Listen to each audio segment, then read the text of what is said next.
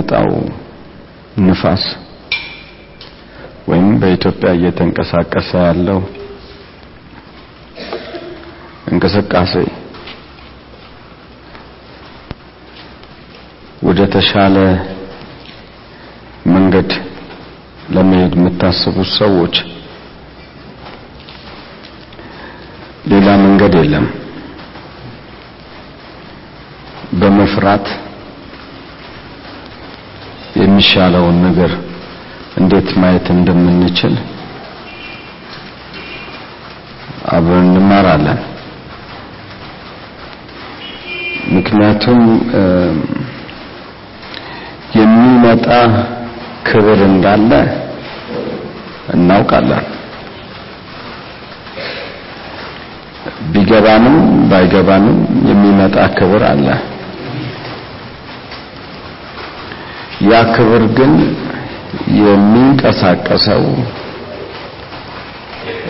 እግዚአብሔርን በመፍራት ነው።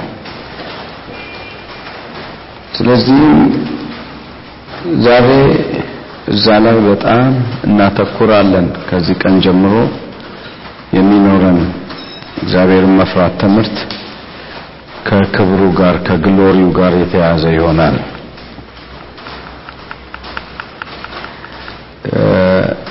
ከዚህ ከክብሩ ጋር የተያያዘውን የምናየው መጽሐፍ ቅዱስ ሐጌ ምዕራፍ ሁለት ላይ ባለው እንጀምራለን። ሐጌ ምዕራፍ ሁለት።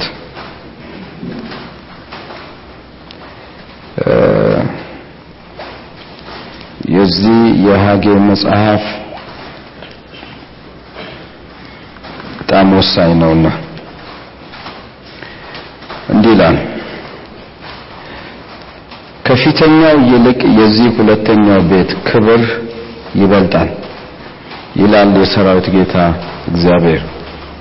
በዚህም ስፍራ ሰላምን እሰጣለሁ ይላል የሰራዊት ጌታ እግዚአብሔር። እግዚአብሔር ከፊተኛው ይልቅ ኋለኛው ክብር ይበልጣል ብሎ ሲል በሁለት መልክ ነው የሚያወራው። የመጀመሪያው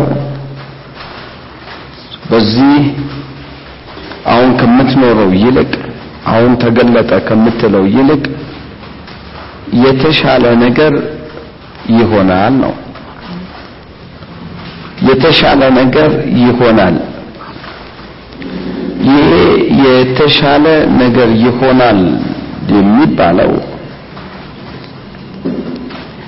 እግዚአብሔር ራሱ በተሻለ መልክ የሚሰራበትና የሚያደርግበት ጊዜ መጥቷል ማለት ነው።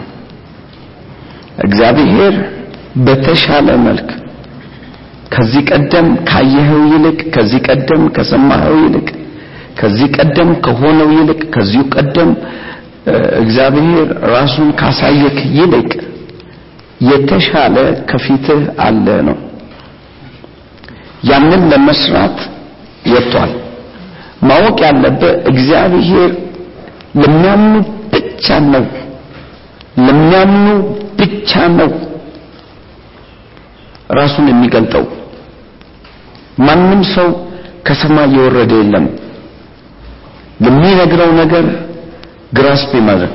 እንጠብቃለን ከሆነ አንተ እየጠበቅ ያመነ ሰው ያንን ነገር ያደርገዋል። እየሰማችሁ ነው? አንዳንድ ሰው ምን ይላል? ጌታን እንጠብቀዋለን ጌታን. መቼም ቢሆን ይጠብቁታል እንጂ እምነታቸው መጠበቅ ነው። ነገር ግን መጥቷል ከኛ ጋር ነው አብሮን ያለው አሁን ይሰራል አሁንም ተረኛ ነኝ ካልክ የአንተ ጊዜ እንደሆነ የአንተ ህይወት እንደሆነ accept ስላረከው እግዚአብሔር አሁን ይገለጣል። by the way ረጅም ጉዞ የሚባል የለም። አሁን ነው። የመንፈሱ ዓለም ላይ አሁን ነው። ትናንትም አሁን ነው ዛሬም አሁን ነው። የሚቀጥለውም ዘመናትም አሁን ነው። የአሁን ህይወት ውስጥ ካመጣ ራስህን በዛ ውስጥ ታገኘዋለህ። ስለዚህም ለሐጌ መጽሐፍ የነገረው እግዚአብሔርን ብትፈራው አሁን ይሆንልሃል። የመጀመሪያው የእግዚአብሔር ሐሳብ የአሁን ሐሳብ ነው። የአሁን ሐሳብ ነው። ስለዚህም አሁን እንዲሆንልህ የምትፈልግ ከሆነ ካለው ከመጀመሪያ ተገልጧል ብለህ ትናንትና እንኳን የተገለጠ የእግዚአብሔርን ክብር ብታይ ከሱ ይልቅ የተሻለ መቼ አለ? አሁን አለ። አሁን አለ። አሁን አለ። ማይዘው ራስህን ለአሁን እስካላስገዛኸው ድረስ እግዚአብሔርን መፍራት አታገኘውም። ራስህን ለአሁን ስታስገዛ እግዚአብሔርን መፍራት ትለምዳለህ። ማለት ምንድነው? እግዚአብሔርን መፍራት ነግሬሃለሁ። ኃጢአት መስራት አለ መስራት፣ እንደዚህ ማድረግ አለ ማድረግ፣ እግዚአብሔርን መፍራት ከሰዎች ጋር በሰላም መኖር፣ ከሐሜት መራቅ፣ በክፉዎች ምክር ያለ መሄድ፣ ሰላምን መሻት። እነኚህ ነገሮች አሁን የምታደርጋቸው ናቸው። ስለዚህ እግዚአብሔር አሁኑኑ ራሱ በፊተኛው የህይወት መስመርክ ያስወጣል እና አዲሱን የህይወት መስመር ያስገባል። እንኪያስ እንደሱ ከሆነ ሐጌ መጽሐፍ ላይ የተናገረው አንደኛ ጴጥሮስ ምዕራፍ ሁለት ላይ ቁጥር አምስት ላይ የተናገረው የህይወት አካሄድ ምን እንደሚል ተመልከቱ። ጴጥሮስ እኔ ሽማግሌው ስለሆንኩ የጻፍኩላችሁ ብሎ ምክንያቱም የጴጥሮስ መጽሐፍን ስታነበው እኔ ሽማግሌውን ይሄንን እንደ ነው የጻፈው ለወጣቶች፣ ለጎልማሳዎች እንዲሁም ደግሞ ለአረጁ ሰዎች ለነሱ በሙሉ የጻፈ ሰው ቢኖር ያለውን ሐሳብ እሱ ነው። ሸመገልኩና አሁን ያለኝን አይዲያ ልስጣችሁ ብሎ ነው ኑዛዜ ነው። ስለዚህ ለአማኝ ለአገልጋዮች ከሚያስፈልጉ ትምህርቶች ውስጥ የጴጥሮስ መጽሐፍ ነው። all shortcut የሆነ የህይወት መስመር ነው። ስለዚህ እንደዚህ ብሎ ተናገረ። ቁጥር አምስት ላይ እናንተ ደግሞ እንደ ሕያዋን ድንጋዮች ሆናችሁ እንደምን እንደ ሕያዋን ድንጋዮች ሆናችሁ በኢየሱስ ክርስቶስ ለእግዚአብሔር ደስ የሚያሰኝ መንፈሳዊ መስዋዕትን ታቀርቡ ዘንድ ቅዱሳን ካህናት እንድትሆኑ መንፈሳዊ ቤት ለመሆን ምን በሉ ተሰሩ። ማለት ምን ማለት ነው? ባለፈው ነግሬያለሁ። እውቀት ትፈልጋለህ? መጽሐፍ በማንበብህ or ስብከቶች በመስማትህ or ለምሳሌ የዳንኤልን ትምህርቶችን ወስደ በመቀጥቀጥህ እውቀት አገኘህ አይደለም። እውቀት ሰማክ ነው የሚባለው። እውቀት የሚሆነው ምን ስትል ነው? አምነኸው በህይወት ላይ apply ማድረግ የባህሪ ለውጥ ስታመጣ ምን ይሆናል? ያኔ እውቀት ይሆናል። የባህሪ ለውጥ ስታመጣ ያ እውቀት ይሆናል። አስተሳሰብህ ሲቀየር ያ እውቀት ይሆናል። አለበለዚያ መስማት ነው። መስማት ደግሞ ይኸው አሁን እንኳን ትሰማለህ ቀቀቀቀቀቀ የሚል ግን attention አልሰጠው። ድምፁ ግን አለ። ልክ እንደዛው ነው የሰማኸው ነገር ነው። ስለዚህ ጴጥሮስ የነገረን ነገር ትልቁ issue የእግዚአብሔር issue አንድ ነው። ምንድነው? ቤቱ ለመሆን ተሰራ። okay እግዚአብሔር ቤቱ ብሎ ሲያወራ ህንፃውን አያወራም፣ or church ህን አያወራም፣ or የሆነ ነገር ምን አይልም አያወራም። የሚያወራው ማንነትን ነው፣ አንተን ነው፣ personal ነው። okay personal ከሆነ የሁለተኛው ቤት ከበፊተኛው ቤት ምን ይላል? ይሻላል፣ ይበልጣል ካለ ስለማን ነው የሚያወራው? ስለ ራስ ነው። እየሰማችሁ ነው? ስለማን ነው የሚያወራው? ስለ ራስ ነው። personal ነው። አንተ ነህ የምታደርገው፣ አንተ ነህ ቤቱ የሆንከው አንተ ነህ፣ የምትሰራው አንተ። ግን እኔ ሰራሃለሁ አላለም። እኔ ሰራለሁ አለ። እግዚአብሔር the more you prepare yourself ራስን እያዘጋጀ እየሰራ ስትመጣ የሚያደርገው ነገር ምንድን ነው ሲባል ክብር ነው የሚሰጠው። እየተግባባን ነው። ምንድን ነው የሚሰጠው? ክብር። እግዚአብሔር ምንድን ነው ያለው ክብር ነው። ሌላ ምንም ነገር የለም። ባይዘው እግዚአብሔር ስለ ራሱ ሲያወራ ክብር ነው ያለው።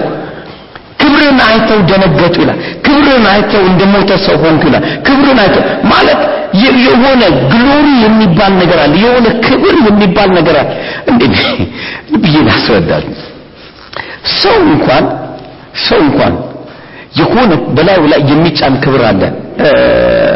ለምሳሌ እንዲህ ብዬ ላሳያችሁ በጣም ጥሩ ነገር ስለሆነ። ጠቅላይ ሚኒስትሩ አርባ ምንጭ ዩኒቨርሲቲ በነበሩ ጊዜ ያላቸው ክብር ምንም ነው። እንደ አንድ እዛ በነበሩት የህይወት መስመር ነው የሚኖሩት።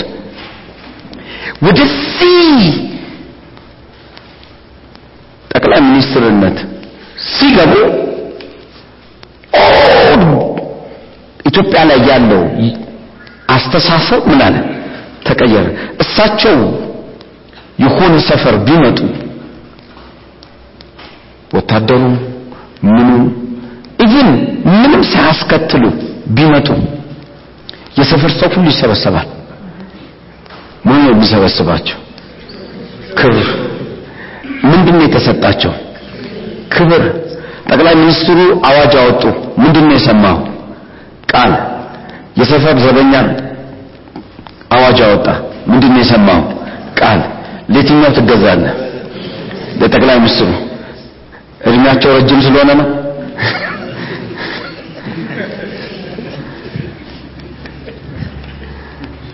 See? የሆነ በሰው ህይወት ላይ የሚጨመር ክብር አለ። በላይፍ በህያው በእግዚአብሔር ፊት።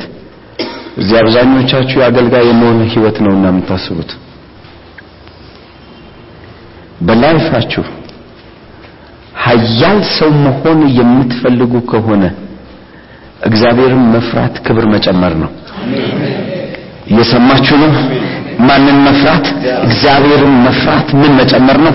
ክብር መጨመር አንተ በመፍራት ራስህን ትሰራለህ በደንብ ስሙ አንተ በመፍራት ራስህን ትሰራለህ። እግዚአብሔር በላይክ ላይ ምን ይጨምራል? ክብርን ይጨምራል። በሌላ አማርኛ ሞገስ ይለዋል። እስ favor ማለት እግዚአብሔር ፊት የመቆም favor እግዚአብሔር ፊት የመሄድ favor እግዚአብሔር ፊት ላይ የመውጣት favor by the way መጽሐፍ ቅዱሱ በጣም ሞገስ ወይም ደግሞ የእግዚአብሔር glory ሲመጣበት የሚሆነው ነገር በህዝቡ ላይ ታላቅ ፍርሃት ሆነ ምን ስለተጨመረባቸው ክብር ስለተጨመረባቸው ለካ ሐዋርያቱ ሐዋርያት ስራ ብታነባው እግዚአብሔር በ latter rain የኋለኛው ዝናብ የሚለው ነገር የጨመረብህ ምን ነው? ክብርን ነው የጨመረብህ። ስለዚህ አሕዛብ ይፈራሃል ታላላቆች ናቸው ያልከው ያከብረዋል በምትሄድበት ቦታ ስፍራ ይሰጣል። all in life ቦታ ላይ ምን ይሆናል? ክብር ይጨምራል። እግዚአብሔር አንተ መፍራት ስትጀምር የሚቀጥለው የመንፈሳዊ ክብር ነው የሚጀምረው። ይላችሁ ሐዋርያ ሥራ ምዕራፍ አምስት ላይ የመጽሐፍ ቅዱሱን ህይወት ብታነቡት እጅግ የሚደንቃችሁ ሐዋርያቶቹ እግዚአብሔር ክብር ስለጨመረባቸው የሆነ ነገር ነው የምታነቡ። ለምሳሌ ያላቸውን ሁሉ አምጥተው ምን አደረጉ አለ? ሰጡ። ምን ስለነበር? ይፈሯቸው ነበረ ዲዲዩሲ ነው በሐዋርያት ላይ እግዚአብሔር የጨመረው ምን ነው ክብር ነው። ነው። እግዚአብሔርን ፍላጎት በህይወት ልለምናችሁ አገልግላችሁ መኖር ትችላላችሁ። አስር አስር ዓመት አስራ አምስት ዓመት ሀያ ዓመት ዘመናችሁን ሁሉ አገልግላችሁ ልትሄዱ ትችላላችሁ። ግን ልንገራችሁ የአንድ ሳምንት የክብር ህይወት ይሻላል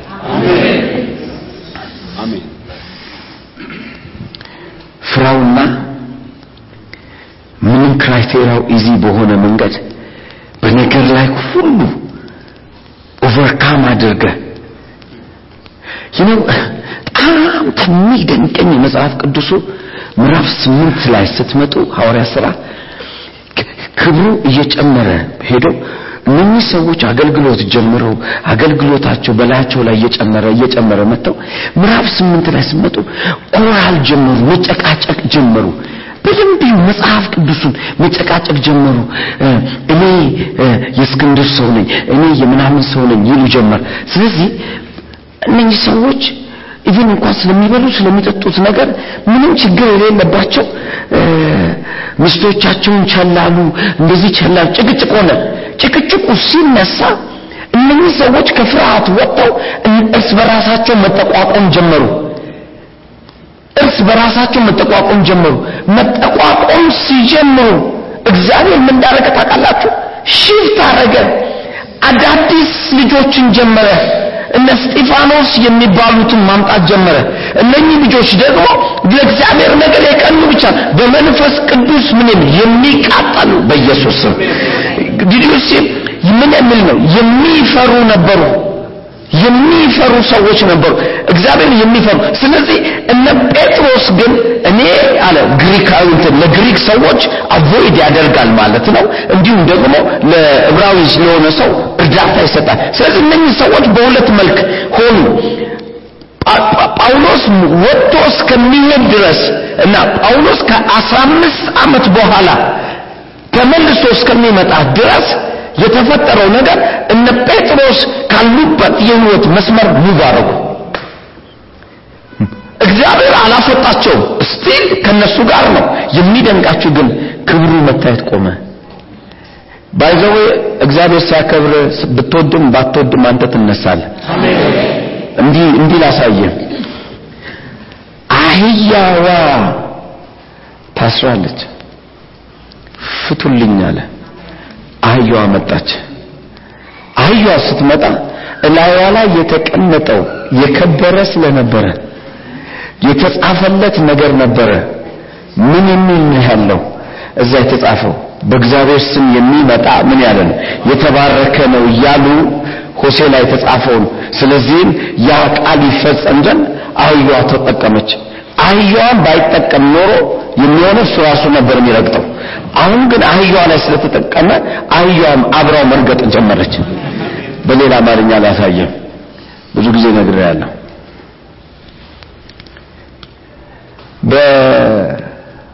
በአይጥ ጋር የዋለች ዝሆን በአንድ እንትን ላይ ሄደች። ምንድን ነው የሚባለው? ድልድይ ላይ እና ድልድዩ የእንጨት ነበረና እያለ ሲል እየተነቃነቀ መጨረሻ ደረሰች። ከዛ በኋላ አይጧ ምን አለች? ለዞኑ በጆሮ ገልጣ ጆሮውን ስም አለችው። አነቃነቅ ነው አለ።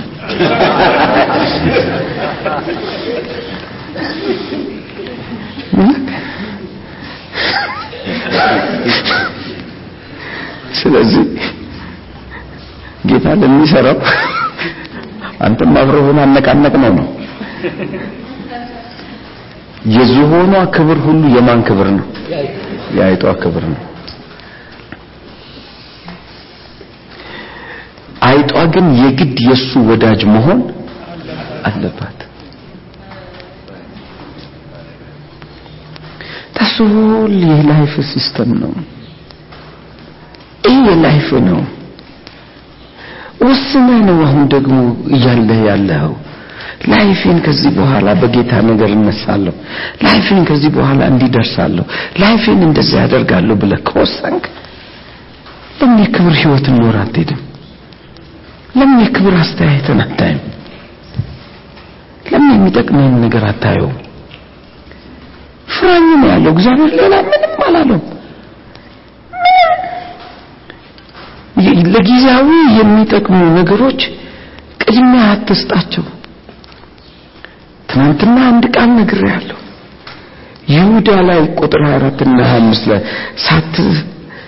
ሳትሰናከሉ እንዲጠብቃችሁ ምን ሳትሉ ሳትሰናከሉ እንዲጠብቃችሁ በደስታ ነውር የሌላችሁ አድርጎ እንዲያቆማችሁ ለሚችል አምላክ ስለዚህ ሳትሰናከል ክፉ ነገር በህይወት ላይ ሳይገጥም ሰላም በሆነ መልክ እንዲህ ማለት ክፎች ሲመጡ እግዚአብሔር ወደ ላይ ከፍ እያደረገክ ይህን ለእስራኤል የነገረው እግዚአብሔር እንዲህ ብሎ አለው ሕዝቅኤል ላይ ክፉ እንደ ክፉ እንደ ወራጅ ውሃ ሲመጣ እግዚአብሔር መንፈስ ምን ያደርጋል?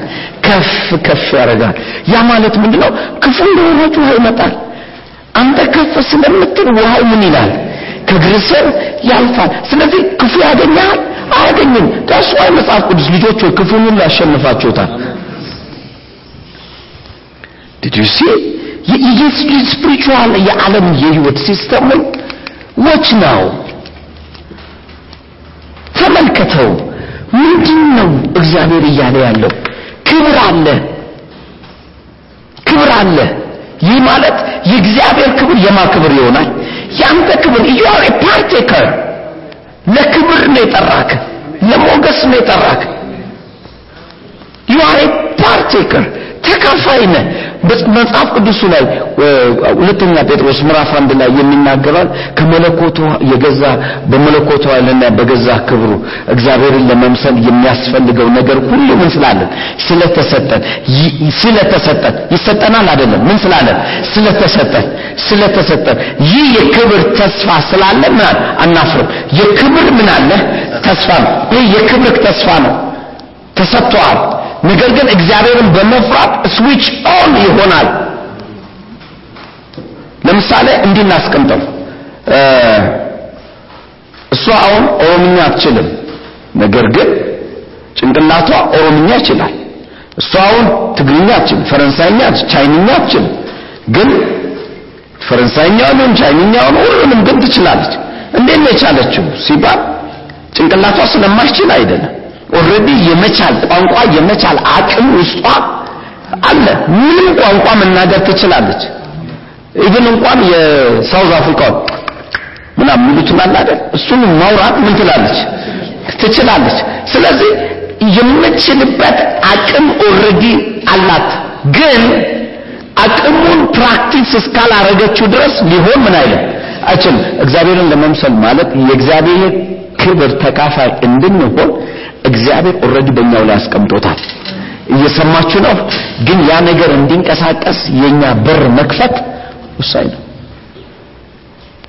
የኛ በር መክፈት። ሚልኪያስ መጽሐፍ ላይ ነው።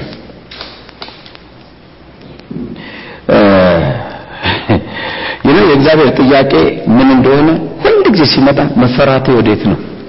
እሹ እግዚአብሔር አንድ ነገር ነው መፈራቴ ወዴት ነው። ፍራቻ ወዴት ነው? ፍራኝ ፍራኝ። እንዲህ ፍራኝ ስል ደግሞ እንዲህ እንዲያረኩም እንደዚህ አላረኩም እንደዚህ እንደዛ ነው ሳይሆን ፍራኝ ማለት ገብቶሃል። ሚልኪያስ ምዕራፍ አንድ ቁጥር ስድስት እና ስምንት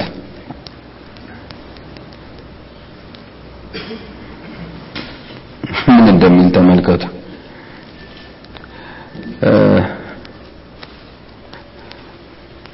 አንድ መጽሐፍ ቅዱስ የያዘ እንትን የዘጋ መጽሐፍ ቅዱስ የያዘ።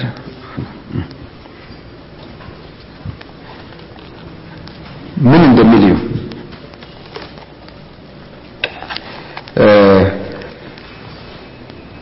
ከቁጥር ስድስት ጀምሮ እናንተስ እናንተስ እኔን የምታቃልሉ? ካህናት ሆይ ልጅ አባቱን ባሪያም ጌታውን ያከብራል። እኔስ አባት ከሆንኩ ክብሬ ወዴት አለ? ጌታስ ከሆንኩ መፈራቴ ወዴት አለ? ይላል የሰራዊት ጌታ እግዚአብሔር።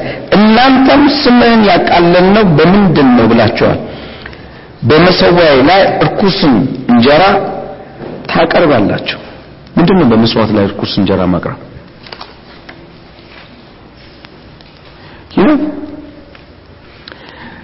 Bible ከእያንዳንዱ በዛኛውና በዚህኛው ከመጣ ማንም ሰው ማንም ሰው መስዋዕት ከማቅረቡ በፊት አለ። ከወንድሙ ጋር ምን ይበል ሰላምን ይታረቅ። ሰላምን ያድርግ። በመጽሐፍ ቅዱሱ የህይወት ሲስተም ወንድሞች ሆይ ሮሜ ምዕራፍ 12 ቁጥር 18 ላይ ወንድሞች ሆይ ከሰዎች ሁሉ ጋር በእናንተ በኩል በሰላም በማ በኩል? በእናንተ በኩል። እርኩስ መሰዊያ ወይም ቆሻሻ መሰዊያ እግዚአብሔር ፊት ላይ የሚያሳዝነው ትዝ እንደሆነ? እንትን ስድስት መሰለኝ አይደል? ምሳሌ ስድስት ነው መክብብ ስድስት ነው። እግዚአብሔር ሰባት ነገሮች ይጠላል። እ? ምሳሌ ላይ ሰባተኛውን እጅግ ነፍሱ ምን ትላለች ትጸየፏል እርኩስ ስለዚህ መፍራት የሚባለው የህይወት መስመር ከወንድምህ ጋር የተያያዘ የህይወት መስመር ነው። ከወንድምህ ጋር አብሮ ያለ የህይወት መስመር ነው። ስለዚህ የረከሰ ነገር የገማ ነገር በእግዚአብሔር ፊት ማምጣት ከፈለግ ወንድምህን አምተህ ቀጥለው ወንድምህን አምተህ ቀጥለው ከእግዚአብሔር ጋር። እግዚአብሔር የረከሰ ነገር ነፍሱ የማይወደው ሌላውን ሰው የምታይበትን አይን አልሰጠህም እግዚአብሔር። የራስህን የምታይበት ምንድን ነው አይን ነው። በሌላ እንትኑ ትርጓሜ በጣም የሚያስደስተኝ ይሄኛው ነው። የጻድቅ ሰው አይኑ በምኑ ላይ ነው? በራሱ ላይ። የሰነፍ ሳለ በምን በእግሩ ላይ ነው ዲዲብሊ በእግሩ ላይ ነው። የሰውየው የሚኖረው በምኑ ነው ማለት ነው? በእግሩ እግሩ እግር ሲያሰባስበው እንትና እንዳለው ማለት ነው። ጠቅላይ ሚኒስትሩ እንዳሉት ምንድነው ሲባል አንዱ ሰው እኔ ጠቅላይ ሚኒስትር ሆናለሁ እና እወዳደራለሁ ሲል ችግር የለም እግር ራስ ከሆነ አለ። ከገባ ገብቷል። ፈረንሳይ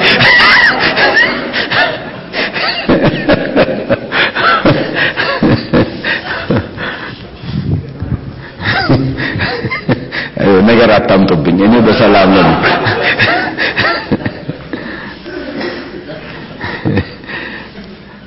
በደንብ ተረዱ።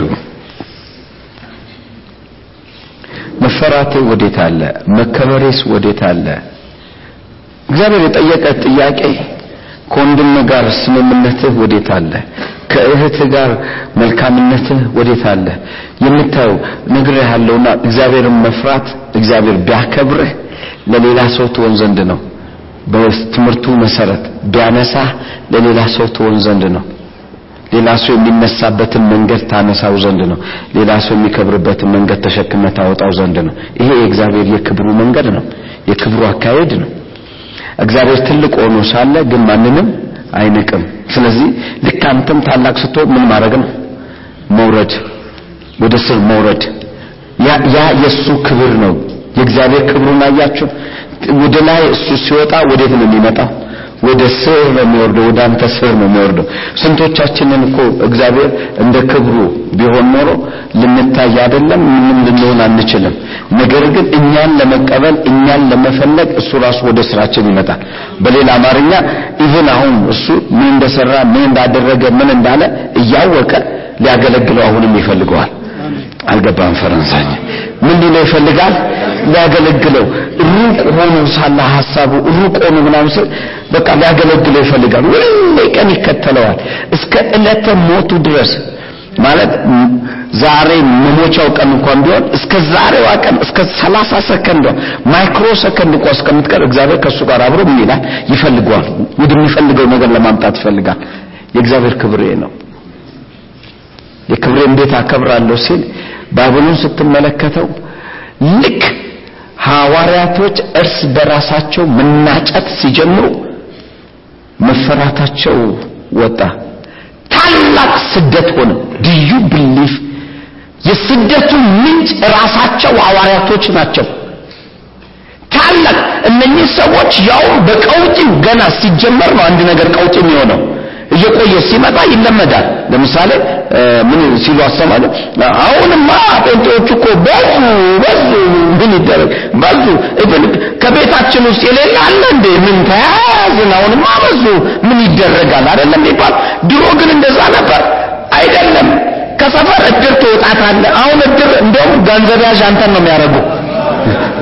አልገባም ፈረንሳኛ ሁሉም እጅ አውጥቶ ገንዘብ ያስቻል ገብቷል?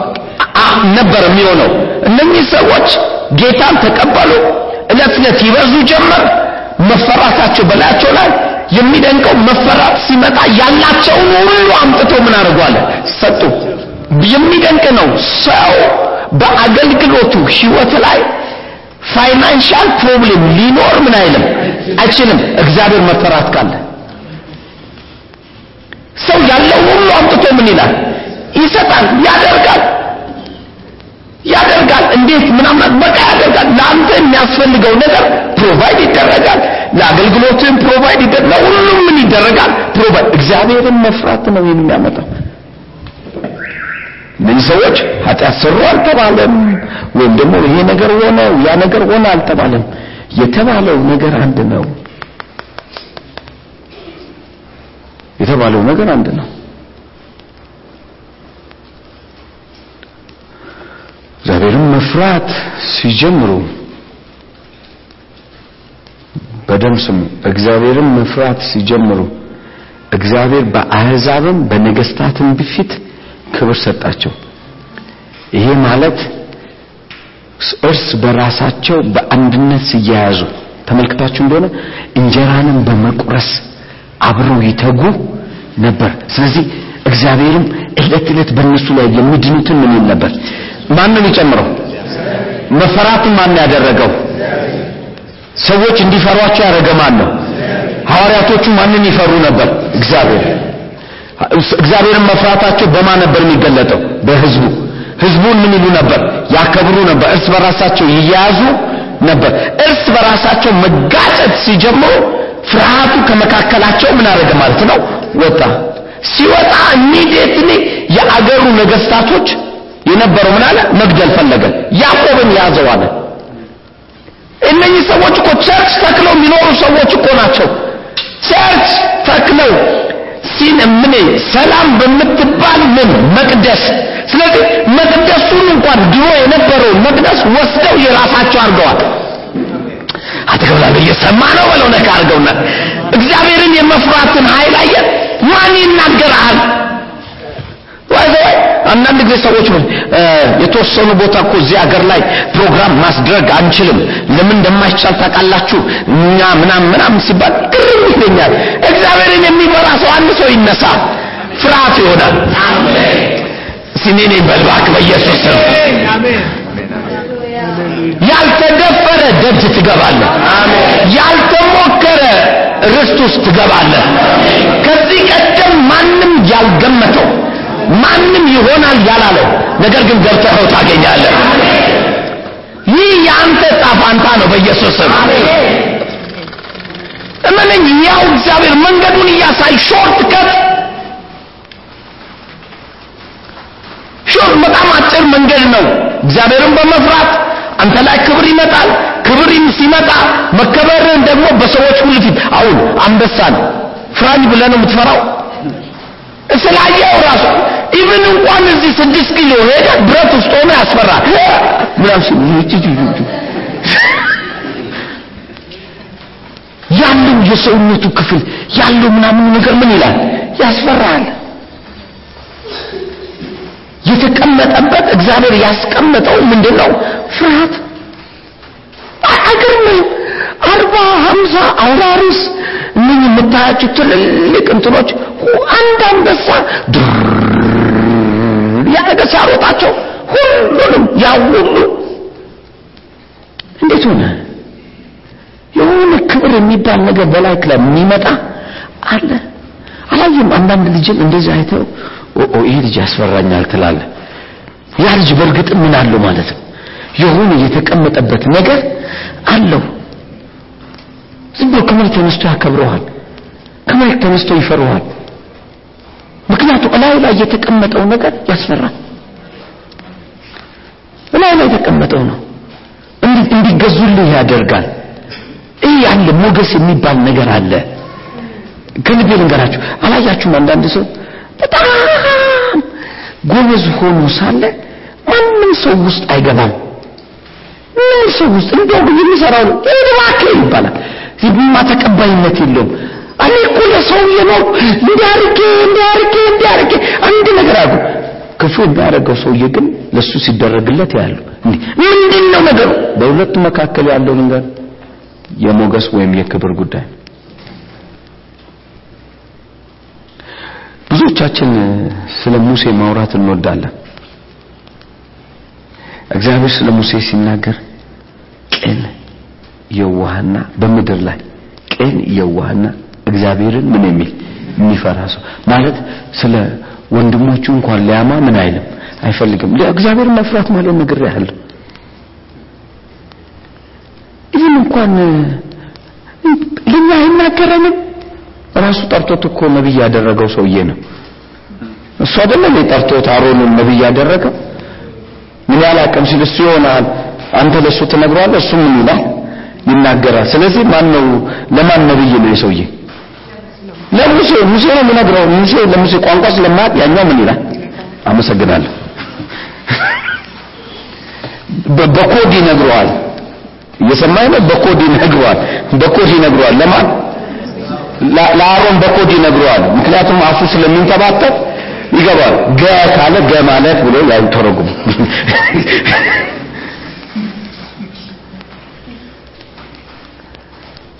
እሱ ግን ምን እንዳለ ታውቃላችሁ? እኛ እግዚአብሔር አይናገረንም ምን እኛ እንደዚህ ያልነውን ምን እኛ እንደዚህ እንደዛ ባለን ምን ምናምን ብሎ ሲናገር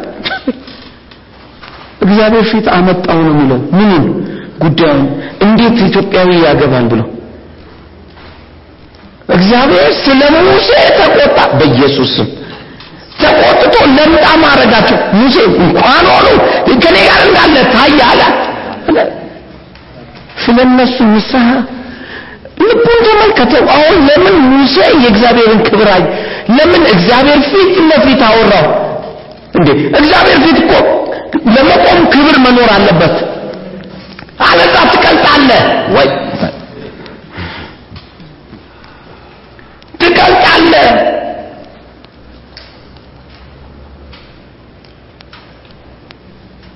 የዛኑ አይነት ክብር ከሌለ መቆም አትችልም። አንድ አይነት ነገር ካልሆንክ እነዚህ ሰዎች ሲና ተራራ ሲቃጠላዩ ሲጨሳዩ አሉ። ኃይለኛ ነጎድጓዳማ ድምፅ ሰሙ። ይህ ሁሉ ሲሆን ሙሴ አሉ አንተ ተናገር፣ እኛ እሱን አንፈልገውም አሉ። ማንን? እግዚአብሔር።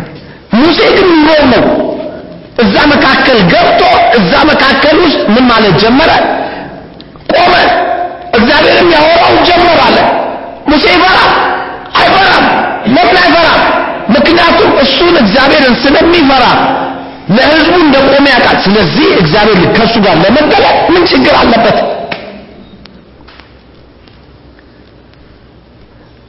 ህዝቡን የሚያገለግልለትን እግዚአብሔር ሁሉ ጊዜ ወደ ላይ ከፍ ያደርገዋል።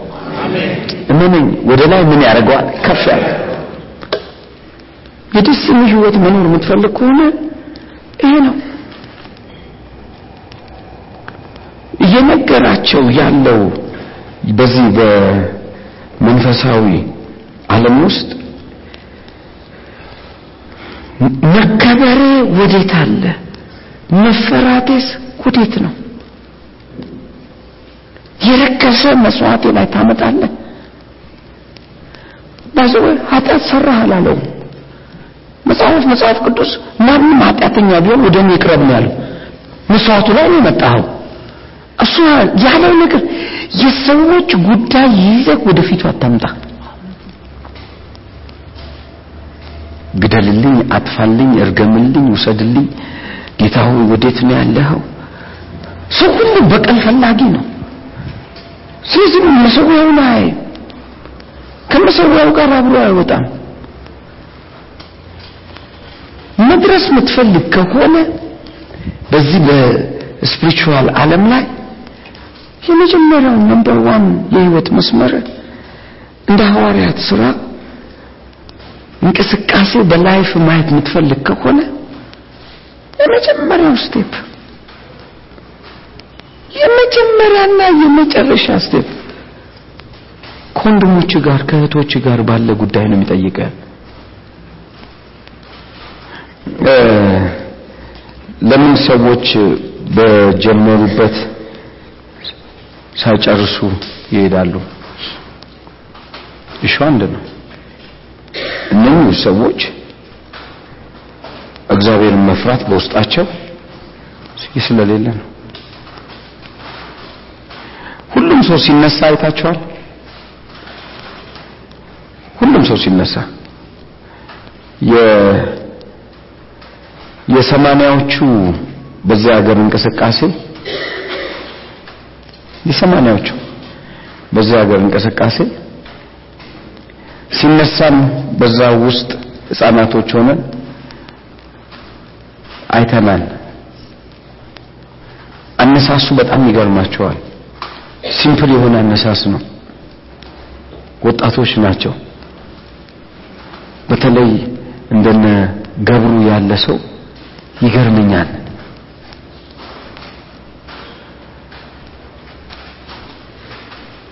አዲስ አበባ ዩኒቨርሲቲ ነው የሚማረው።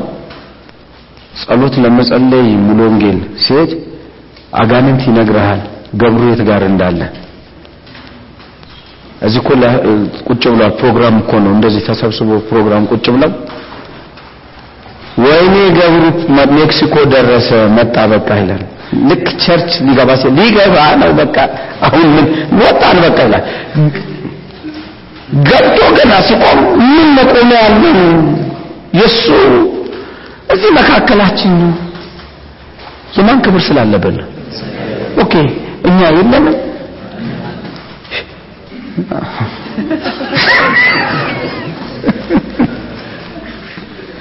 ከልብ እኮ እኛ የለንም። እዛ የሚጸልዩ የሉም የሚያጸልዩ የሉም ምን የሉም?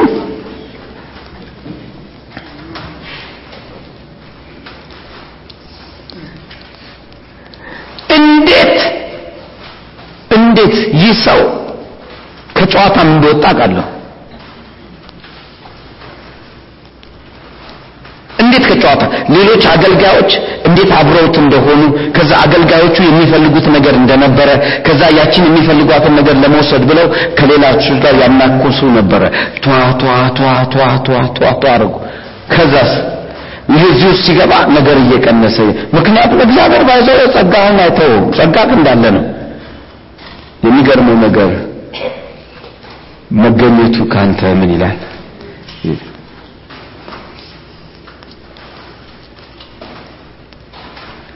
እሱ ቹዝ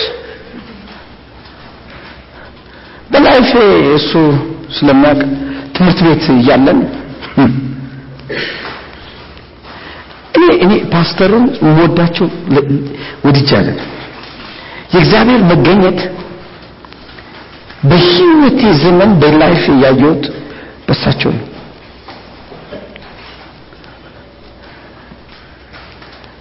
እግዚአብሔርን ይፈራሉ መቶ መቶ ፈርማለሁ እኔ እስከ ዛሬ ድረስ ማንም አገልጋይ እንደሳቸው እግዚአብሔርን የሚፈራ አይቼ አላቅም።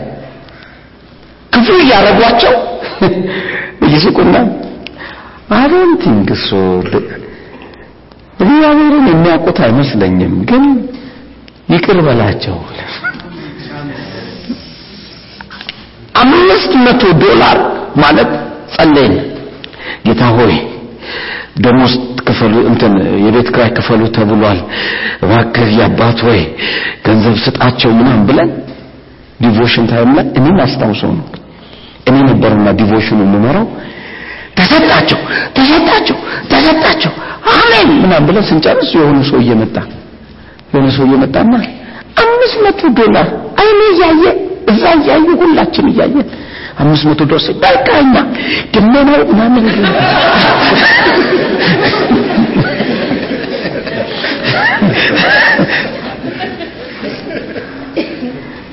ተቀብለን አምስት መቶ ዶላር ተከፈለ ብለን እኛ ጭንቀታችን ከቤት እንዳንወጣ ነው። አምስት መቶ ዶላር በዶላር ነው የምልህ። ተቀብለው የሆነ ሴትዮ መጣች። ምን ብይነ አሁን ድረስ እናደድባታል የሆነ ተንከሲስ ነገር ናት ነጠላ ጫማ ነው ያደረገችው እና ምንድን ነው ሲል ልጆችን ማበላው ምናምን ውሸቷን እኮ ነው ልጆችን ማበላው ምናምን የለም ሲል አምስት መቶ ብሩን ሲሰጡ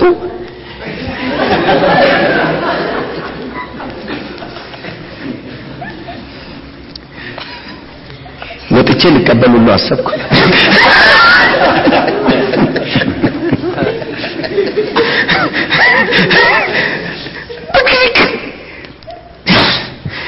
ወይ ፓስተር እግዚአብሔር ምሕረት ያርግላቸው።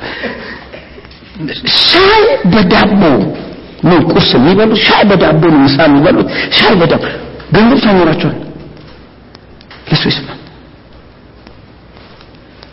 እኔ በህይወቴ ሰውን የሚወድ ሰው ያየሁት እሳቸው ደሆን ዋራይ ነው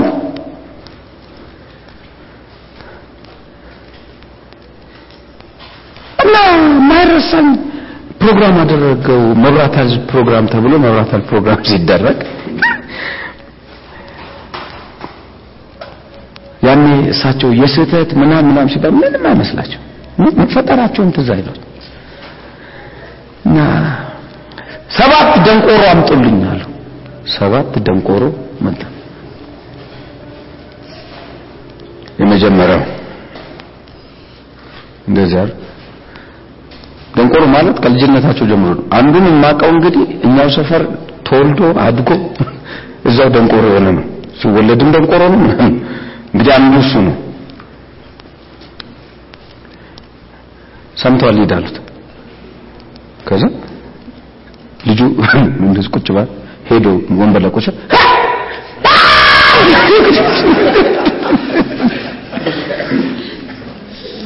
የሚቀጥል የሚቀጥል የሚቀጥል ፊት ለፊታቸው አቆሙት። ይህን ነክተውት ነው ሰምተሃል አለው። ሄደ ቁጭ እና እሳቸው መናገር ይጀምራሉ። ሰባቱን አቁመዋል። ማውራት ሲጀምሩ ሰውየው ቆይቶ ቆይቶ ዲሽና እኮ የውጭ ሀገር ዜጋ ስለሆኑ ነው እግዚአብሔር የሚሰራባቸው ምናምን እንጂ መቼም መቼም የሆነ ነገር አምጥተው ነው የሆነ ነገር አምጥተው አድርገው ነው እንጂ የዛ ጊዜ ወንድሜ ደንቆሮ ሰማ ማለት አገር ምድር ተናወጠ ነው። ሶስተኛው ህዝቡ መሃል ወሰዱት እንደዛውና ዝም ብለህ ቁጭ በላሉት ቁጭ አለ ሰማው አለ። አራተኛው ከመብራት ኃይል አስወጡት ማለት ከአዳራሹ አስወጥቶ እዛ ጋር አደረጉት። ከዛ ላይ ማውራት እሳቸው ቀጠሉ። ሰማ። አምስተኛው ከመብራት ኃይል ግቢ ወጣ። ስድስተኛው ሜክሲኮ አደባባይ፣ ሰባተኛው ላኩት ብሔራዊ ቲያትር። ሰባቱም እና አንደኛ የምከታተል የነበርኩ ነኝ ደጅም ሲያስወጡ። ምክንያቱም እንዲህ አይነት ነገር ማየት እወዳለሁ።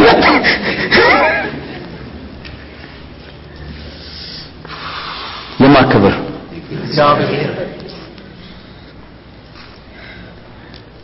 ጎች አርገ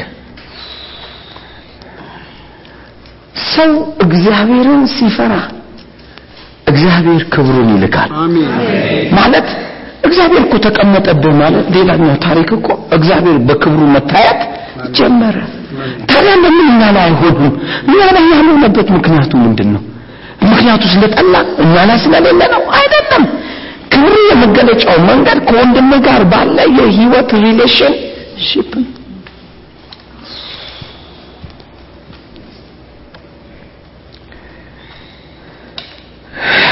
ሐጌ ምዕራፍ አንድ እንሂድ። ሐጌ ምዕራፍ አንድ። ምን እንደሚል እስቲ ሐጌ ምዕራፍ አንድ ቁጥር ዘጠኝ አስር እና አስራ ሁለት። እንዲህ ይላል እናንተ እናንተ ብዙ ነገርን ተስፋ አደረጋችሁ። እነሆም ጥቂት ሆነ በኢየሱስ ስም የአሁንም ትውልድ አይመስልም ይሄ። እንደ በቸርች ስትመጣ ብዙ ነገር ምንድን ነው የምትሰማው? ተስፋ ነው የምሰማው እንዲህ ነው እንዲህ ይሆናል ነገር ግን የሚገርመው ነገር የዚህ ነገር እናንተም ብዙ ነገር ተስፋ አደረጋችሁ። ነገር ግን ለምን አልሆነም። ያልሆነበት ምክንያት እግዚአብሔርን ምናል ማለት ነው? አለመፍራት ጥቂት ሆነ ወደ ቤትም ባገባችሁት ጊዜ እፍ አልኩበት። ይህ ስለምንድን ነው ይላል የሰራዊት ጌታ እግዚአብሔር። እናንተ ሁሉ ወደ የቤታችሁ እየሮጣችሁ የእኔ ቤት ፈርሶ ስለተቀመጠ ነው። የሚያወራው ነገር ስለ ቤት ሲያወራ ስለ እግዚአብሔር ቤት ስለ ህንፃው አይደለም የሚያወራው። ስለ ማን ነው? ስለ ራስህ ነው። ስለ ራስህ ነው። ታነጹ። ሁለተኛ ጴጥሮስ ቅድም ያነበርኩት አንደኛ ጴጥሮስ ምዕራፍ ሁለት ቁጥር ላይ አሁን ያነበርኩት ታነጽ ማን? ራስህ። ራስህን አንጽ ነገሩ ያለው ከራስህ ጋር ነው እንጂ ሌላ ቦታ የለም ስለዚህ የሚለውን ተመ ፈርሶ የእኔ ፈርሶ ስለተቀመጠ ነው። ስለዚህ ሰማያት በላያችሁ ምን ጠልን ከልክለዋል ምድሪቱን ፍሬዋን ምን ብላለች ከልክላለች። ትዝ እግዚአብሔርን የሚፈራ ሰው ከመልካም ነገር ምን አይልም? አይጎልም። ሰማይ ስለነሱ ምን ይላል? ይታዘዛል። አይደል ያለው? እግዚአብሔር የሚፈራ ሰው ሰማይ ስለሱ ምን ይላል? ይታዘዛል። ምድርም አውቃ ፍሬዋን ምን ትላለች? ትሰጠዋለች። ማንን የሚፈራ ሰው እግዚአብሔር አሁን ግን ተመልከት የሚያወራው ተዘጋ። ነው አንድ አማኝ መጥቶ ቢሮ ምንም ነገር መገለጥ አይደለም። እንዴ ተገልጦልኝ ምናምን አይደል እንደማወራው? ያወራሁት ማወራችሁ በቃ ሲል እኔ በሬ ተዘግቶ ምናምን ተገበ። ምላሰኛ ነክ ሰውን ክፉ ይዛል ቂም ይዛል ወይም ደግሞ ለሌላ ሰው ምን አይደለም ጥሩ አይደለም ሰው ውስጥ እንትን ምሬት ይዛል በጎ ነገር አድርገህ ወይንም መልካም ነገር አድርገህ ላንተ ክፉ መልሰውልሃል። ከዛ የተነሳ ቁጣ አለ ንዴት አለ እንደዚህ አለ። አለ ማነገረ? ለምን ነግረኛል? ይሄ ሰማይ የሚዘጋው ምድር ፍሬዋን ማሰጠው ሆሪዞን ያንተ ብሎክ የሚሆንበት ምን ስትሆን ነው? እግዚአብሔርን ሳትፈራ ስትቀር። እግዚአብሔርን ሳትፈራ ስትቀር ማለት ማንን ነው? ከሰው ጋር ያለ ግንኙነት ሮቅ ሲሆን እኔ እንደ ሌላ አይደለም እንዴት? እንደ ሌላ አይደለም አልዋሽም አልሰርቅም አላመነዝም አልገልም ምን አይደለም እኔ እንደ ሌላ ሰው አይደለም ነገር ግን እግዚአብሔር ለምን እንደዚህ እንዳደረገኝ አላውቅም። እግዚአብሔር እሱማ አይገደውም እሱ አይደለም ለእግዚአብሔር ኢሹ ትልቁ የወንድምህ ውስጥ ያለውን ጉዱፍ ለማውጣት የምትሄደው መንገድ ነው። issue መስዋዕትህን የሚያበላሸው ሰማያትህን የሚዘጋብህ።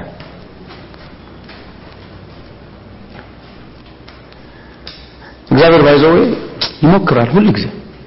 ይሄ ልጅ ይሆን ይልና ይሞክረዋል። ይሞክረውና ያየዋል። እሱም ሲናጀስ ሲያይ ወይ እስቲ እሱ ይሆን ደግሞ ብሎ ይቀጥላል እሱም ሲናጀስ ሲያይ ወይ ጉድ! ያኛው እንዴ ትውልድ በቃ እንደዚህ ያልፋል። እስቲ የዳዊትን ህይወት ተመልከት። እግዚአብሔር በኃጢአተኛ መዝገብ ከጻፈ የመጀመሪያ በመጽሐፍ ቅዱስ ላይ መረሸን ያለበት ማን ነው? ዳዊት ነው። መረሸን። እንደውም እግዚአብሔር ሲያወራ ስለሱ ሲናገር የሚናገረውን ሰምታ ልቤ። ማለት የኔ ሐሳብ የሱ ሐሳብ ነው። በኢየሱስ አልገባም ፈረንሳይ የማን ሐሳብ ነው? የሱ እንደ ልቤ ነው ይህ ሐሳብ ማስፈጸም። ነው ግን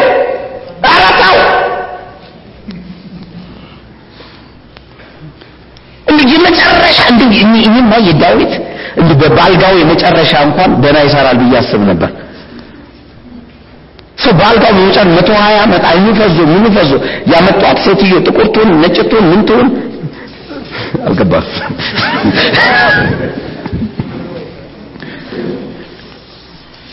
አያቃት? A funny things በመጨረሻ በደመዘዘ አይኑ እንኳን ሰው በመሞቻው አፋፍ ላይ ሆኖ እንትናን ታውቀዋለህ? አዎ።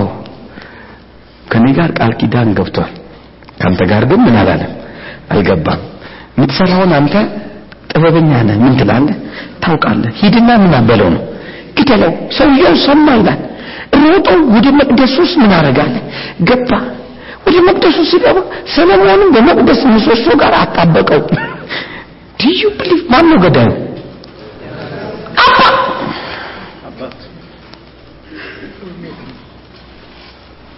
ግን እንደማን ነው? እንደ ልቤ። ነው። ግን ዳዊትን ተመልከተው፣ የህይወት መስመሩን ተመልከተው ምን እንደሚሰራ ወደ መሰዊያው ሲወጣ የሚያደርገውን ተመልከተው። የተቀባውን ነገር መዳሰስ እንኳን አይፈልግም። ሁሌ ይሸሻል። እልሁ እንጂ ያስለቀሰው ሳኦልን ወዶ አይደለም ያስለቀሰው። ጨርቁን ቆርጦ ወስዶ እልህ መግደል እችላለሁ ግን የያዘኝ ይዞኝ ነው ሁሉ ነው ያስለቀሰው።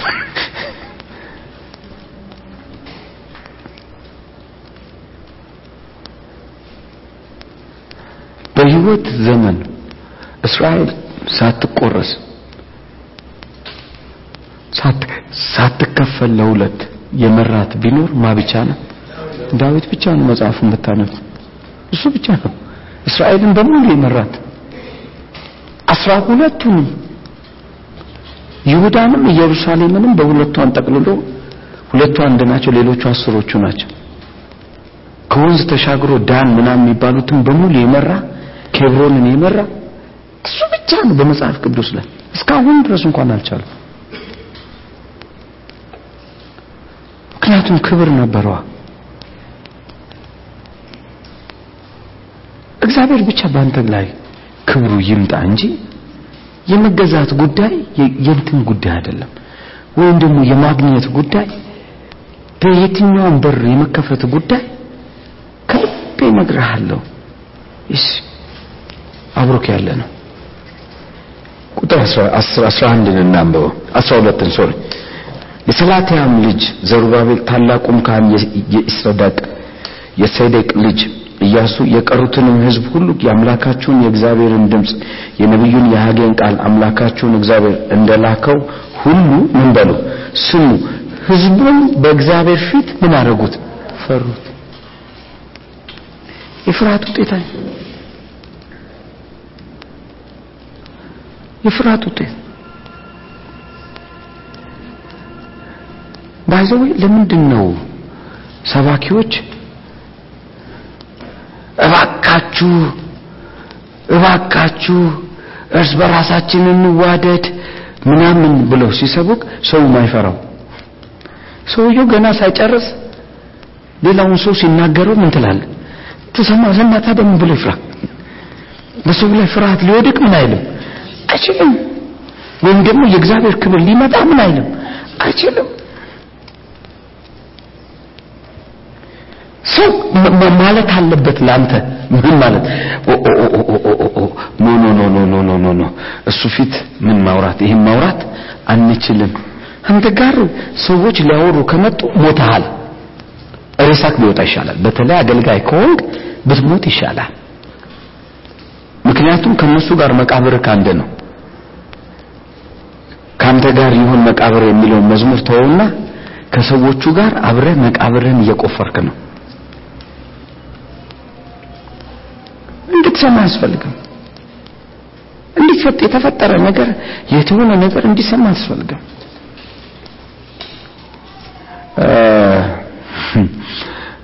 እዚህ ማና ማን ነበረ ሲጨቃጨቁና ሊጣሉ በቃ ተገባበዙ። የሆነ ቀን እረ ዳኒ አንድ መላበል እየተጨቃጨቁ ነው ሲሉ እኔ አልገባም ይጋደሉ አልኩ። ምን ማለት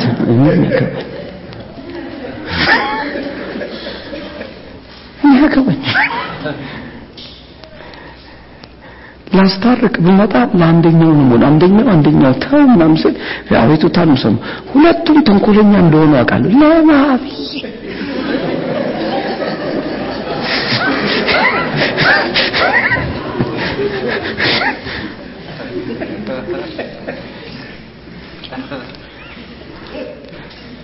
ሁለቱም ቢመቱኝ አይደለም ቢስቱኝ ይጨርሱኛል። ከዚህ ቆልቆት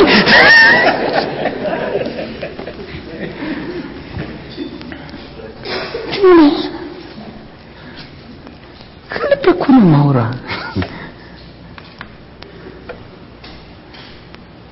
ምን ውስጥ ነው መግባት ያለብህ? ለሀጌ መጽሐፍ ይግባክ ነገ የምትናገረው ነገር እንዲፈራ የምትፈልግ ከሆነ መፈራትን በሰው ልብ ማስቀመጥ የምትፈልግ ከሆነ አንተ መጀመሪያ ፍራ። አንተ መጀመሪያ ፍራ። አንተ ካልፈራ ማንም አይፈራም። ኤርሚያስ ምዕራፍ አምስትን እናውጣው ቁጥር 30 እና 31 ኤርሚያስ ምዕራፍ አምስት ምን እንደሚል እንመልከት።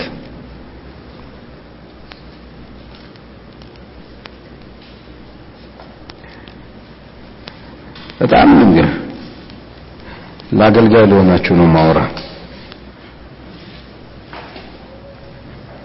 ምን እንደሚል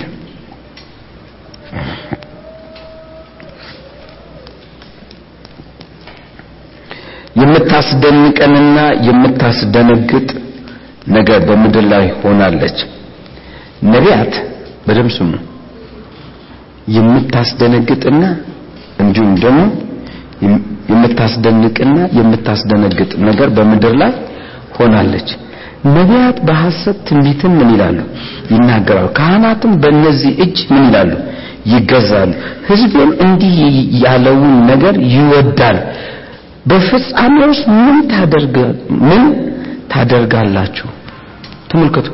ነቢያቱ እንዲሁም ደግሞ ካህናቱ በእነዚህ እጅ ይገዛሉ። ሕዝቤም እንዲህ ያለው ነገር ምን ይላል? ይወዳል። ከምን የተነሳ ነው? እግዚአብሔርን ካለመፍራት የተነሳ እንዴት አሳልፎ እግዚአብሔር እንደሚሰጥ በደንብ አስተውሉ። ህዝቡ እየነገርከው እግዚአብሔር የማይፈራ ከሆነ ውጭ አድርግና ራስን ተመልከት።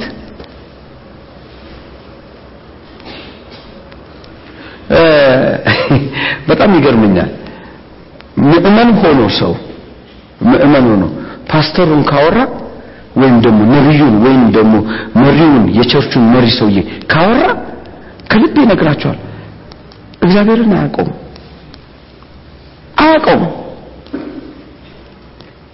እና እሱ ሲባርክ ደግሞ እጁን አንስቶ አሜን ካለ የት stand ላይ እንዳለ አያውቀውም። መፈራት የሚባለው ነገር ወዴት ነው?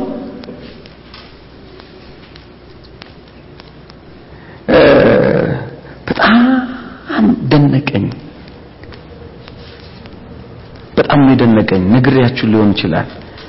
እዚህ ኢቢኤስ ህንፃው ላይ ስፖርት ቤት አለና እዛ እንትን ይዤ ልገባ ስል ቦኔቱን ከፍቼ እንደዚህ የመኪናዬን ላወጣ ስል ብላ ስትጮህ የሆነ ሴትዮ ሰማሁ። ድምጿን የሚሰማኝና ሱር ብዬ ሳል መኪና ውስጥ ናት። አቁም ስትል እኔ ደግሞ በቃ ይዟት ሄዶ ምናምን ይገባቸዋል። እነዛ መስሎኝ በቃ የሚነዳው ልጅ ደግሞ በጣም ዘና ብሎ ነው የሚነዳው። ሳይ ምንም የመፍራት ነገር የለው ምን የለው። ስለዚህ እንደዚህ ሳይ አቆመ። በኋላ ወረደች። ወርዳ አፖስተል እወዳለሁ ምናምን ብላ መሬት ላይ ተኛች። ጭቃ ነበረ። ጭቃው ላይ ነው የተኛችው። ደንግጬ እኔ ዞር ዞር ብዬ ይቅርታ አርግልኝ፣ ይቅርታ አርግልኝ ምናምን ስትል ሰው ሁሉ ተሰበሰበ። አርግላት አርግላት እኔ ምናት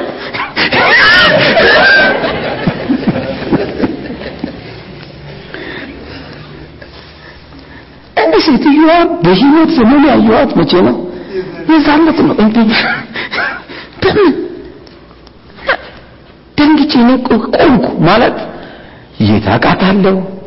የት ሀገር አግኝቻት ይሆን ምን ይሆን እያልኩኝ በቃ ወዮ ወዮ ሊቀርባት እንዳቀርበኝ እንዳቀርበኝ በእግዚአብሔር ስም ይሻል ወራትሽ ቆም።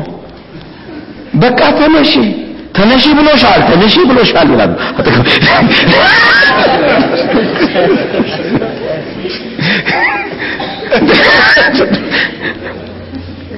በቃ ተዋት በቃ ይቅር ማለት እኮ ለእግዚአብሔር ነው ምናምን ምናምን ይላሉ። እዚህ ደግሞ እንዴ? እናንተ ሰዎች እችን ሴትዮ እኮ ነው አላውቃትም ምናል አይ ቢሆንም በቃ አታያትም ተደፍታ። ጭቃ ላይ ጭቃ ላይ ነውር አይደል እንዴ? እኛ እግዚአብሔር በማርያምን ገብርኤልን ምናምን ይላል። በቃ ከምነግራችሁ በላይ ነው የሰው ቁጥር የተሰበሰበው ወላ የተፈጠረው።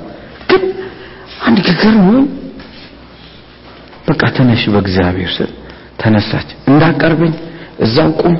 እኔም እዚህ ጋር ነኝ እኔ በደለኛ ነኝ አንተን እንደዚህ እንደዚህ እንደዚህ በድያለሁ እንደዚህ እኔ ደግሞ ማቅ እንዲህ እንዲህ እንዲህ እንዲህ ቦታ ስላንተ ሲወራ በመንገድ እየሄድክ ነው ረድሜክ እንዲህ ብዬክ እንደዛ ብዬክ እንደዚህ በቃ ያላለችው ነገር በአንተ እንደዚህ ሰርተን ቁጭ ብለን ደም አፍሰን እንደዚህ አድርገን ምናምን ምናምን አላውቀው ምን አስጨነቀሽ? እሱማ እግዚአብሔር እኮ ነግሮኝ ነው። ታገኛለሽ አንድ ቀን። ስለዚህ የዛ ጊዜ ምህረትሽ ምን ይላል? ይጸናል ብሎኛል ብሎኝ ነው ይኸው በቃ ተበላሸው ከእጄ ይሄን አጣው ይሄን አጣው ልጆቼ እንደዚህ ሆኑ ምናምን ምናምን ምናምን ስትፈቃ በቃ ነይ እሺ በቃ ስላት ጭቃ ነኝ አሁን በቃ አሁን ይቅር ብለኸኛል ጭቃ ነኝ ነይ በቃ ብዬ ከዛ አንድ ነገር ገባኝ። እግዚአብሔር ሰውን ለማዳን እንኳን ሲፈልግ ከሰው ጋር ሄዶ ያስታርቃል። አሜን። did you see እንዲሁ ዝም ብሎ ሄዶ አያድናትም? ነገር ግን ፕላን የለውም እንደዛ። ፕላን የለውም። ከሰው ጋር ሄዶ አገናኝቶክ ነው። ይህን ያህል እግዚአብሔር ጨካኝ ከሆነ ከልቤ ነው ነገር ወደ ህይወትና ጠላቶች አይግዙክ ክፎች አይግዙክ። ወይ በኢየሱስ ስም ለእግዚአብሔር ጠላት የሆኑ የሉም? በቸርች ውስጥ የሉም? አስተማሪዎች የሉም? አገልጋዮች የሉም? ለእነሱ እጅ ለምን እግዚአብሔር አሳልፎ ይስጥክ? ያው እግዚአብሔር ምስክሬ ነው። ነገር ያለ ክብር ስለሆነ ማወራ የሚቀጥለው ሳምንታቶች በሙሉ። ሰዎች እግዚአብሔርን መፍራት ሲያቆሙ ለጨካኞች አሳልፎ ይሰጣቸዋል። ለጨካኞች አረመኔዎች ወሮ በላዎች ለሆኑ አሳልፎ ይሰጣቸዋል።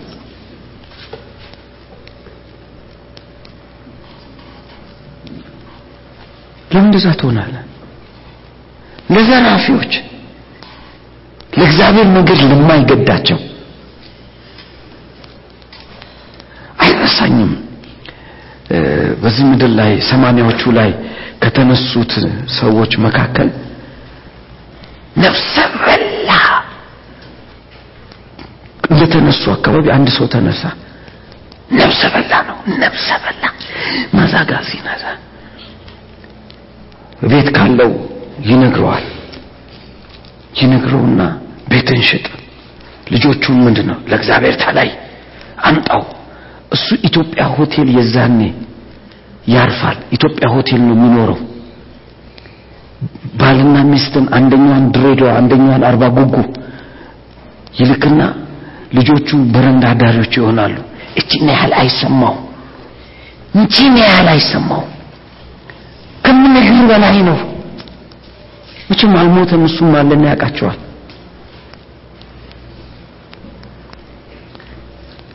ክፉዎች በሕያው በእግዚአብሔር ፊት ክፉዎች የነበሩት ሰዎች ነገረኞች ህዝቡ ተንኮለኛ እርስ በራሱ የሚጋጭ ነበር ይዛ ሰሞን። ዘረኛ ማዲኒ ቲኪ ኒግሎ ዱንያ። ዘረኛ በዘር ውስጥ የተጠላለፉ በቃ መገዳደልን የሚፈልጉ ጨካኞች ቸርች ውስጥ መሳሪያ ያላቸው ሰዎች መሳሪያ መሳሪያ ሽጉጥ። እናስ ምን አይነት ሰው አመጣባቸው? ነፍሰ በላ። የዛን ዘመን ተነሳ በየትኛውም የሃይማኖት ቡድን እንኳን ተነሳ። ምን ነቢይ ተብለው ተነሱ፣ ባህታዊ ተብለው ተነሱ፣ ምናምን ብለው ተነሱ። ባላው አጠገብላለሁ አንድ ላይ ነው በለው ነካ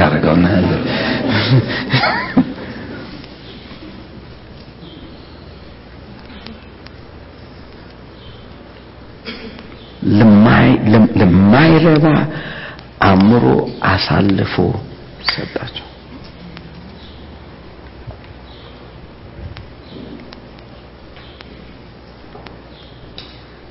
ማቀው ከነበረው አንድ በዛ ጊዜ እንትን ያለ አንድ አይነት ሸሚዝ ይገዛና ዘጠኝ አስር ሸሚዝ ይገዛና እኔ እንደሌላ አይደለሁም አንድ ሸሚዝ ነው ያለኝ። ትስቃለህ አይደለ? ምረት አድርግል ያውቃቸዋልና ነው እኔና እሱ አንድ ሸሚዝ ነው ያለኝ ተመልከት። ጭቃ ምናምን ቀብቶ ይመጣና እንዲህ የሆንን ነው የምናገለግልህ። ጉዱ ሲታወቅስ ዙማዚና ካጄጋ ዛሬ የት ነው ያለው ቤት ይመስክር። የስንቱ ቤት ግን ተንኳኳ። የስንቱ ነገር ፈረሰ። እግዚአብሔር የማይፈራ ህዝብ ጋር ሲመጣ የማይፈራ ሰው ስትሆን የሚደንቀው ነገር ለክፎች ገዢዎች ትገዛለህ ለክፎች ፓስተሮች አሳልፎ ይሰጣል እግዚአብሔርን መፍራት ስታቆም ወደዛ ነው የሚወስድ። ለጨካኞች ለአረመኔዎች እየሰማኸኝ ነው። ላንተ ነው ማወር አረመኔውም አይቆምም አንተም አትቆምም። መንገድ የድጥ መንገድ ይሆናል። ድጋሚ ነገር መንገድ የድጥ መንገድ ይሆናል። ሰገን ተንሸራተት ትሄዳል where are they እነኛ ሰዎች ዛሬ? where are they በአሜሪካ ምድር ላይ በተለያየ ምድር ላይ ተንከራታች ናቸው። ሳገኛቸው አንዳንዴ ሆዴ ይላወሳል ወይኔ ይላለሁ ሁል ጊዜ የሚያወሩት ጸጸት ነው። ሁል ጊዜ የሚናገሩ ጸጸት። አሁን አንዳንዱ አጥብቀው እግዚአብሔርን እየፈለጉ ነው። ነገር ግን ከየት ይምጣ? ማንም ሰው በትውልዱ ነው የሚሄደው በትውልድ ነው። እግዚአብሔር ምን ይላል?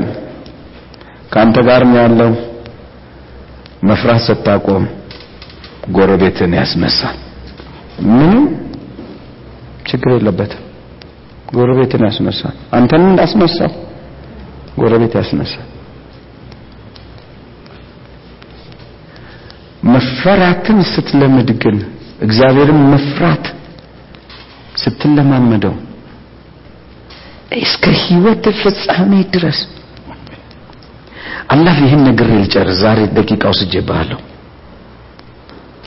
ኬኔት ሀገን በሰማንያ ስድስት ዓመታቸው ወደ ጌታ መሄዴ ነው ብለው ሰማንያ ስድስተኛው ዓመታቸው ከመምጣት ሰማንያ አምስት ግማሽ ላይ ጀምሮ history ያቸውን በየወሩ መጻፍ ጀመሩ። መጽሐፍ ጻፉ ጻፉና የሚቀጥለው ወር ነው የምሞተው አሉ even በቀጠሮ ነው የምትሞተው። እየሰማኸኝ ነው? ልጃቸው ልጅ ልጅ ልጅ አራት ትውልድ ነው ያዩት። አራት ትውልድ አገልጋዮች ናቸው። በዘራቸው በዘራቸው ነው ምለ የሳቸው የትውልድ ሐረግ ዘር የለም። ያጎት ልጅ ያክስት ልጅ ምናምን ልጅ ምናምን እና አንድ ሰው እንኳን ያለ ጌታ የሆነ የለም። ሁሉም በጌታን ሁሉም አገልጋይ ናቸው ወች። በሰማንያ ስድስት ዓመታቸው የመጨረሻው ቀን ህዝቡን ጠሩት። ከአፍሪካም ከምንም ከምንም እነ ፓስተር ክሪስ ሁሉ ሄደዋል። በሙሉ ተጠሩ። ለስድስት ቀን ፕሮግራም አደረጉ። በሰማንያ ስድስት ዓመታቸው እግዚአብሔር ከሳቸው ጋር እንዳለ የምታውቀው ለእያንዳንዱ ሰው ምን ይነግሩት ነበረ? ትንቢት ይነግሩ ነበር። ለእያንዳንዱ ሰው እየሄዱ እያወሩ ነው የሚለው በሰማንያ ስድስት ነው ናው አም ገውን አሉ የነበረው እሳት የነበረው ምናምን ፑልፒቱ ማንም ሳይነካው ተነቃነቀ ነው ያሉት። እንደዚህ እሳቸው ሲጠጉት ፑልፒቱ ይነቃነቃል። የእግዚአብሔር ክብር ከእሳቸው ጋር ነው። ማለት በህይወት ዘመን ለካ ዝም ብለህ እየቀጠልክ እያደግክ መሄድ ትችላለህ ማለት ነው። የዘጠና ሁለት ዓመት ሰውዬ ናቸው። እሳቸው ጋር መጡና ጥርሳቸው ወልቆ አያውቅም እና ምንም ዘጠና ሁለት ናቸው። አይናቸው አልደከም። ልክ አርባ አምስት ነው የሚመስሉት እንደ ኬኔታ ገን አገላለጥ የዛ ጊዜ እሳቸው አርባ ምናምን ናቸው። ከዚህ በኋላ ኬኔትን አንድ ነገር አሉት። መጽሐፋቸው ላይ ስታነብ ቁጭ ብለዋል እያዩ እያለ የሆነ ሰፈርን የበጠበጠ እንትን ውስጥ ቢላ ይዞ ለመግደል የሚሞክር እብድ ነበረ። ፖሊስ በሽጉጥ ገደለው። ከዛ ጌታ ገላገለን ከቸርች ሰው ሲወጣ ቢገሉስ ምናምን እያሉ ሁሉም ሲያወሩ እርሳቸውም አብረው እውነት እኮ ነው ምናምን ሲሉ እኚህ ዘጠና ሁለት ዓመት የሞላቸው ጸጥ ብለዋል። ከዛ ምን ትላለህ አንተስ በእድሜ መቼም ብዙ ነገር አይተሃል ብለው ጠየቋቸው። ፈገግ አሉና አይኑ ያምር ነበር አሉ። እነሱ በሙሉ የሚፈልጉት ቢላ መያዙን የእሱ እንትኑ ምናምን፣ ይሄ ሰውዬ ግን የሚፈልገው ምኑ ያምር ነበረ። ከዛ በኋላ እንዲህ አሏቸው ለኬኔት በህይወት ሀያል እንደሆንክ መጨረስ ትፈልጋለህ? ክፉ እንዳታስብ፣ እግዚአብሔርን መፍራት አሉ በሰው ህይወት ውስጥ ጣልቃ አለመግባት ነው። ከሰው ጋር በሰላም መኖር ነው። ይሄ የኔ ህይወት ነው። አርባ አምስት ዓመቴ ላይ ነው ጌታን ያገኘሁት አሉ። በዛ ቀን ጌታ መጥቶ ገለጠልኝ አሉ። እድለኛ ናቸው። ጌታ ገለጠልኝ። እድሜም በዛ ላይ ቆመ አሉ። አሁን ዘጠና ሁለት ነኝ። እድሜ ግን እዛው ጋር ቆመ። ጥንካሬ አቅሜ እዛ ጋር ቀረ። የተሸረፈ ጥርስ እንኳን የለኝም አሉ። ዲዲሲ የመፍራት ጥቅሙ ምርጫት ነው። አለመፍራትም መብትክ ነው፣ መፍራትም መብትክ ነው። ምርጫ ግን ያንተ ነው። እኔ ከእግዚአብሔር ወገን ነኝ፣ እግዚአብሔርም ከኔ ጋር ነው። በብዙ ክብር በብዙ ደስታ እወጣለሁ። በኢየሱስ ስም ሰላምን እከተላለሁ። አሜን።